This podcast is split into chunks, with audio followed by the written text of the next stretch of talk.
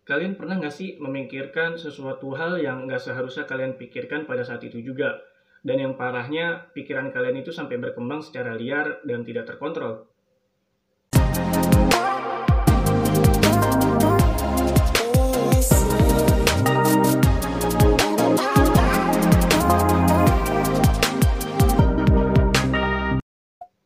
Hai, selamat datang di Bersuara. Konten ini adalah video yang berisikan tentang keresahan yang ada di dalam diri gua yang gua kemas dalam bentuk video edukasi. Buat kalian yang belum kenal gua, kenalin, gua Jis Alfikri. Saat ini gua berusia 22 tahun. Gua bukan orang yang mempunyai latar pendidikan yang tinggi, tapi gua mempunyai keinginan untuk share hal-hal yang berkaitan dengan edukasi. Kenapa? Karena gue mempunyai tujuan di hidup gue untuk bisa bermanfaat buat orang lain. Jadi dengan gue share video edukasi, gue berharap gue bisa bermanfaat untuk orang lain. Gue akan upload video dua hari sekali. Buat kalian yang belum subscribe, silahkan subscribe. Dan aktifkan pemberitahuannya ya, supaya nggak ketinggalan update video terbaru dari gue. Kalian pasti pernah mengalami yang namanya overthinking.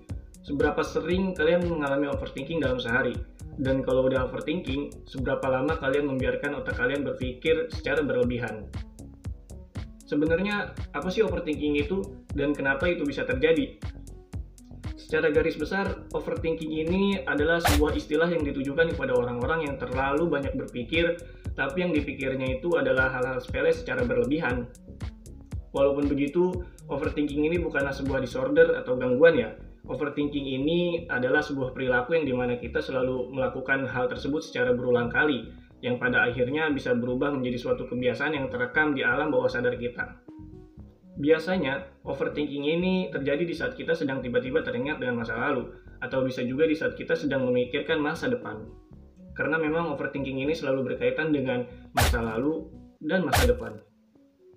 Mungkin di masa lalu kalian pernah mengalami yang namanya kekecewaan, sakit hati, atau bahkan penyesalan. Terus ketika kalian tiba-tiba ingat hal itu, kalian langsung berpikir, kenapa sih dulu gue tuh begini, kenapa nggak gini aja, kenapa sih dulu tuh gue begitu, harusnya gue begini, dan masih banyak lagi yang lainnya. Sehingga ketika kalian memunculkan pikiran itu secara bersamaan, otak kalian itu akan overthinking atau overcapacity, yang harusnya kalian mempunyai batas dua pemikiran aja di waktu yang sama, tapi ini justru pemikiran kalian melebihinya. Begitu juga dengan masa depan. Seringkali kalian juga overthinking dengan masa depan kalian. Bisa itu cemas, khawatir, atau bahkan takut kalau masa depan kalian itu akan menjadi seperti apa yang kalian tidak inginkan. Takut nggak sukses, takut nggak berhasil, takut ini, itu, wah pokoknya banyak banget deh. Semua itu tuh selalu berkaitan dengan apa yang sudah pernah terjadi dan apa yang belum pernah terjadi. Iya nggak? Menariknya overthinking ini sering terjadi di saat malam hari di saat kita ingin tidur.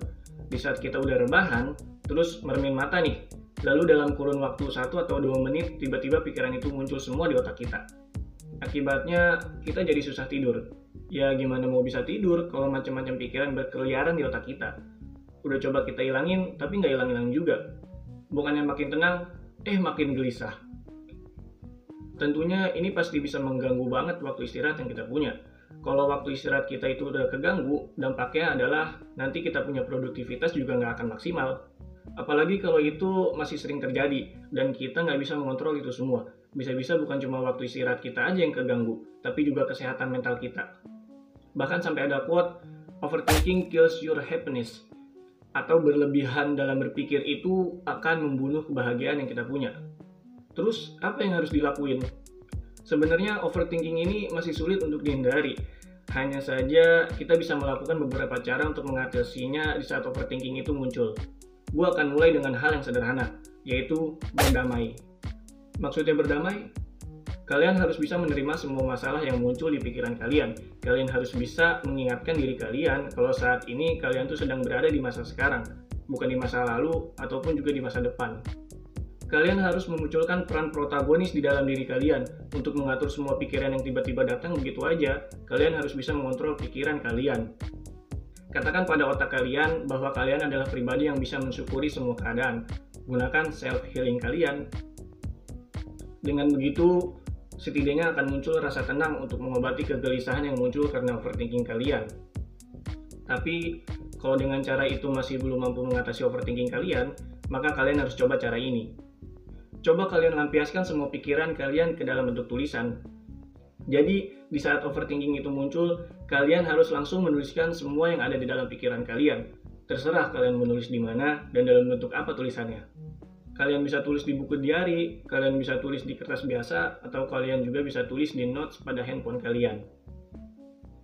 Intinya, kalian harus lupakan semua pikiran yang ada di otak kalian pada sebuah tulisan Mungkin itu rasa kekecewaan yang pernah terjadi di masa lalu, sakit hati, penyesalan, atau rasa cemas dan takut akan masa depan kalian.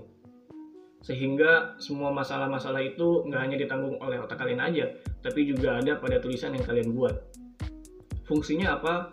Ini supaya otak kita tuh nggak over capacity, nggak terlalu memikirkan banyak hal di dalam waktu yang bersamaan, sehingga kita menciptakan ruang kosong di otak kita supaya otak kita bisa lebih fresh dan tenang.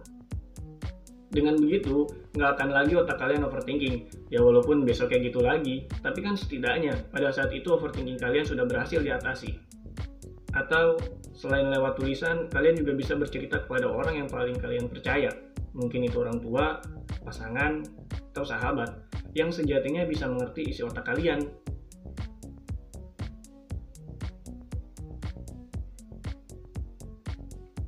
So, cukup sekian dulu bahasan kali ini. Semoga bermanfaat dan pastikan gak hanya kalian aja yang dapat manfaatnya ya. Jadi jangan lupa share ke teman-teman kalian juga. Gua pamit, terima kasih.